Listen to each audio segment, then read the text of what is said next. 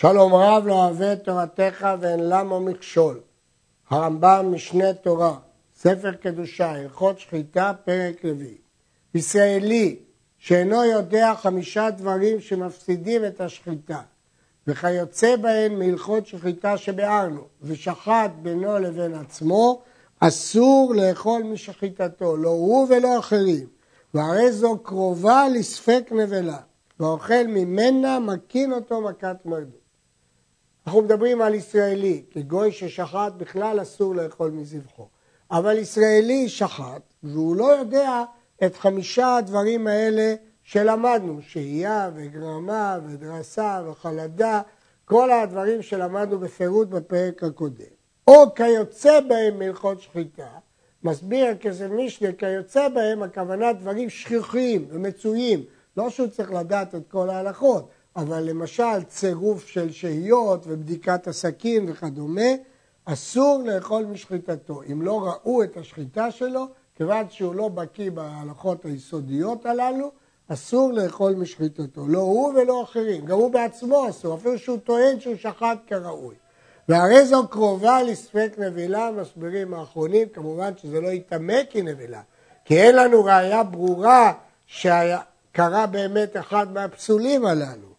אבל כיוון שאנחנו לא סומכים עליו, זה קרוב להיות ספק נבלה לעניין איסור אכילה, והאוכל ממנה מקין אותו מכת מרדות, למרות שאין לנו שום ידיעה ודאית שכך קרה, אבל לוקה מכת מרדות.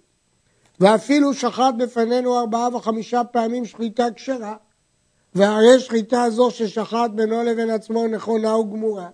יש לו כבר ניסיון, כמה פעמים הוא שחט שחיטה כשרה. וגם השחיטה הזאת שהוא שחט יצאה כשרה. אסור לאכול ממנה. הואיל ואינו יודע הדברים המפסידים, אפשר שיפסיד את השחיטה והוא אינו יודע. אולי הוא שהה, איך אנחנו יודעים? אנחנו רואים את התוצאה של השחיטה, אנחנו לא רואים את תהליך השחיטה. אולי הוא שהה, כגון שישר, הוא ידרוס או ישחוט בסכין פגומה, כיוצא בלא כוונתו, הוא לא יודע.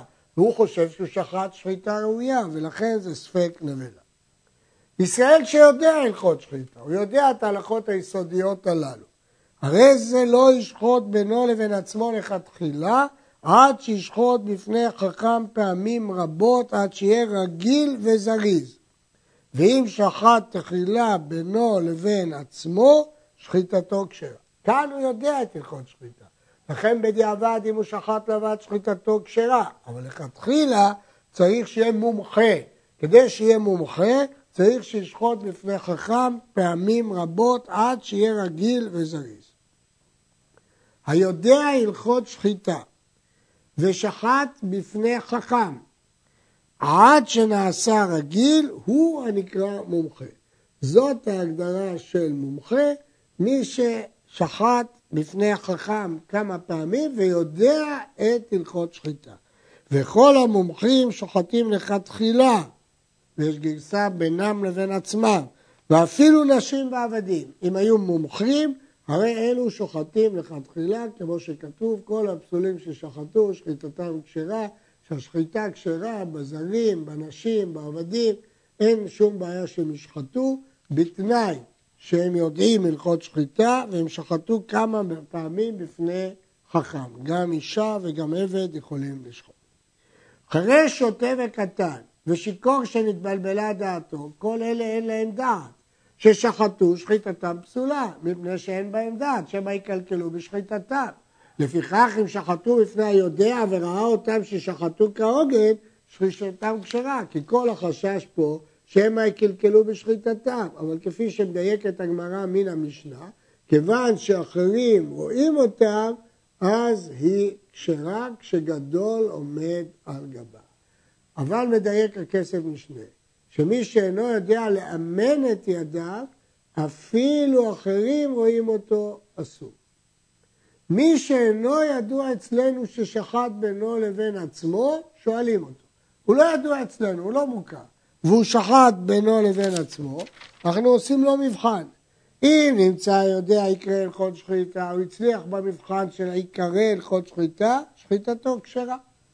כיוון שהתברר לנו ששחיטתו כשרה, ולמרות שאנחנו לא יודעים שהוא מומחה, אמרנו שגם אם הוא לא מומחה ושחרט בדיעבד, שחיטתו כשרה. הרי שראינו ישראלי מרחוק ששחט, והלך לו, ולא ידענו אם יודע אם אינו יודע, הרי זו מותרת. בדיעבד, אם הישראלי שחט והלך, כל המצויים אצל שחיטה הם בחזקת מומחים. וכאן אי אפשר לברר, אז סומכים על החזקה. בהלכה הקודמת היה ניתן לברר כי הוא היה כאן, אז עשינו לו בחינה. אבל כאן הוא הלך, אי אפשר לברר, אז סומכים על החזקה. וכן האומר לשלוחו צא שחוט לי, הוא מצא בהמה שחוטה ואין ידוע אם שלוחו שחטה או אחר, הרי זו מותרת, שרוב המצויים אצל שחיטה מומחים מהם. ועל זה אנחנו סומכים שאוכלים שחיטת כמה בני אדם, שאין לנו יודעים אם יודעים הלכות שחיטה, כותב הסמ"ג והגאות מימוניות, מפני שרוב מצויים אצל שחיטה מומחים. כמובן, אם הוא נמצא פה, צריך לברר, אבל אם אי אפשר לברר והוא הלך לו, אז אפשר לסמוך על החזקה. אבד לו גדי או תרנגול ומצאו שחוט בבית, מותר, שרוב המצויים אצל שחיטה מומחים הם. מצאו בשוק, אם הוא לא מצא אותו בבית, אלא מצא אותו בשוק, אסור, שמא נתנבל ולפיכך הוא שלח. וכן אם מצאו באשפה שבבית, אסור. בדיון בגמרא הרמב"ם פוסק לחומרה, שאם הוא מצא אותו בשוק, אסור אפילו לא באשפה, ואם באשפה, אפילו בבית, הוא אסור כי הוא בחזקת נבלה ולכן משליכים אותו. הרשב"א והר"ן חולקים, ומתוך דיון הגמרא יש בהם שפוסקים לקולה, אפילו באשפה, ויש שפוסקים לקולה ואומרים שרק באשפה שבשוק, אז היא בחזקת נבלה. אבל דעת הרמב"ם, קראנו שבין אם בשוק בלי השפעה, בין בהשפעה שבבית, אסור. מומחה שמשתתק, הוא לא יודע לדבר. והרי הוא מבין ושומע ודעתו נכונה, הוא רק איבד את כושר הדיבור. הרי זה שוחט, שוחט לך תחילה. וכן מי שאינו שומע, הרי זה שוחט, כי הוא לא שותה. שותה זה רק מי שאינו שומע ולא מדבר. הסומה שאינו רואה, לא ישחוט לך תחילה, אלא אם כן אחרים רואים אותו. ואם שחט, שחיטתו כשרה. זו משנה שלמה, השוחט בלילה, וכן הסומה ששחט, שחיטתו כשרה. נוכרי ששחט, אף על פי ששחט בפני ישראל בסכין יפה, ואפילו היה קטן, שחיטתו נבלה ולוקח אכילתה מן התורה, שנאמר וקרא לך ואכלת מזבחו, ויש פה מלכות על שחיטת נוכרי.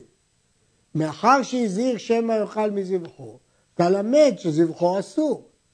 התורה אוסרת להתחבר לגוי שמא יקרא לך ותאכל מזבחו. סימן שאסור לאכול משחיטתו. ואינו דומה לישראל שאינו יודע הלכות שחיטה. זה הרבה יותר גרוע, מכיוון שהוא לוקה, רואים את זה כנבלה, לא כספק נבלה. כנבלה ממש.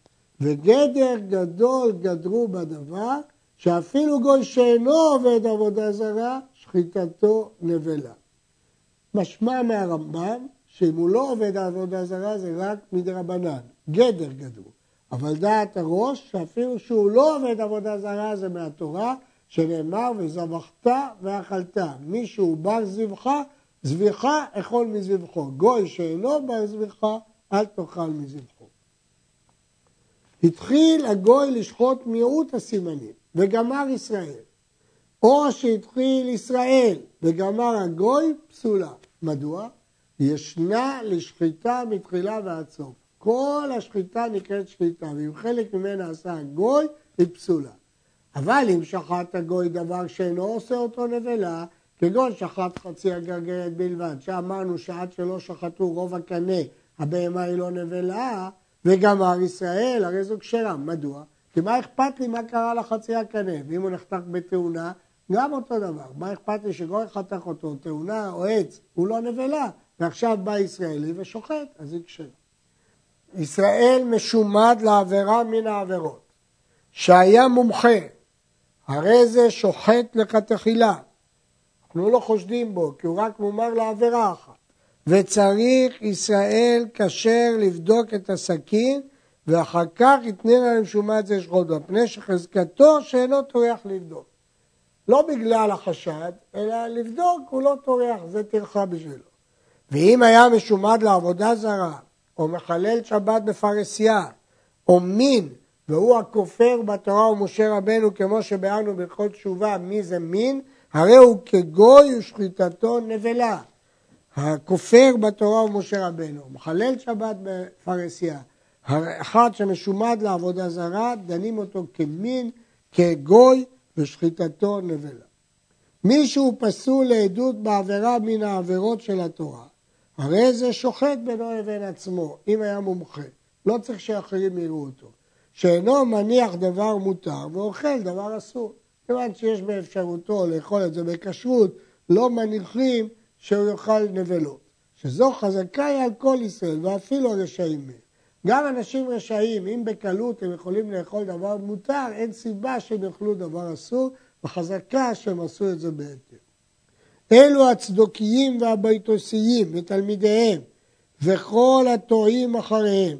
צדוק וביתוס, שהם מייסדי הכפירה בתורה שבעל פה, שאינם מאמינים בתורה שבעל פה, כפי שהרמב"ם באר בהלכות תשובה, שחיטתם אסורה. ואם שחטו בפנינו, הרי זו מותרת. שאין איסור שחיטתם, אלא שמא יקלקלו בשחיטתם, והם אינם מאמינים בתורת השחיטה. לפיכך אינם נאמנים לומר לא קלקל. נשים לב, הרמב"ם לא דן אותם ככופרים, מינים ומשומדים, שאמרנו שהם כגויים, ששחיטתם נבלה, ולא יעזור שישראל יראה אותם. אבל פה, אם ישראל יראה אותם, השחיטה כשרה. אבל למה צריך שישראל יראה אותם? כי לא מאמינים בתורה שבעל פה. והלכות שחיטה כולם נמסרו בתורה שבעל פה, אז שמא יקלקלו בשחיטתם.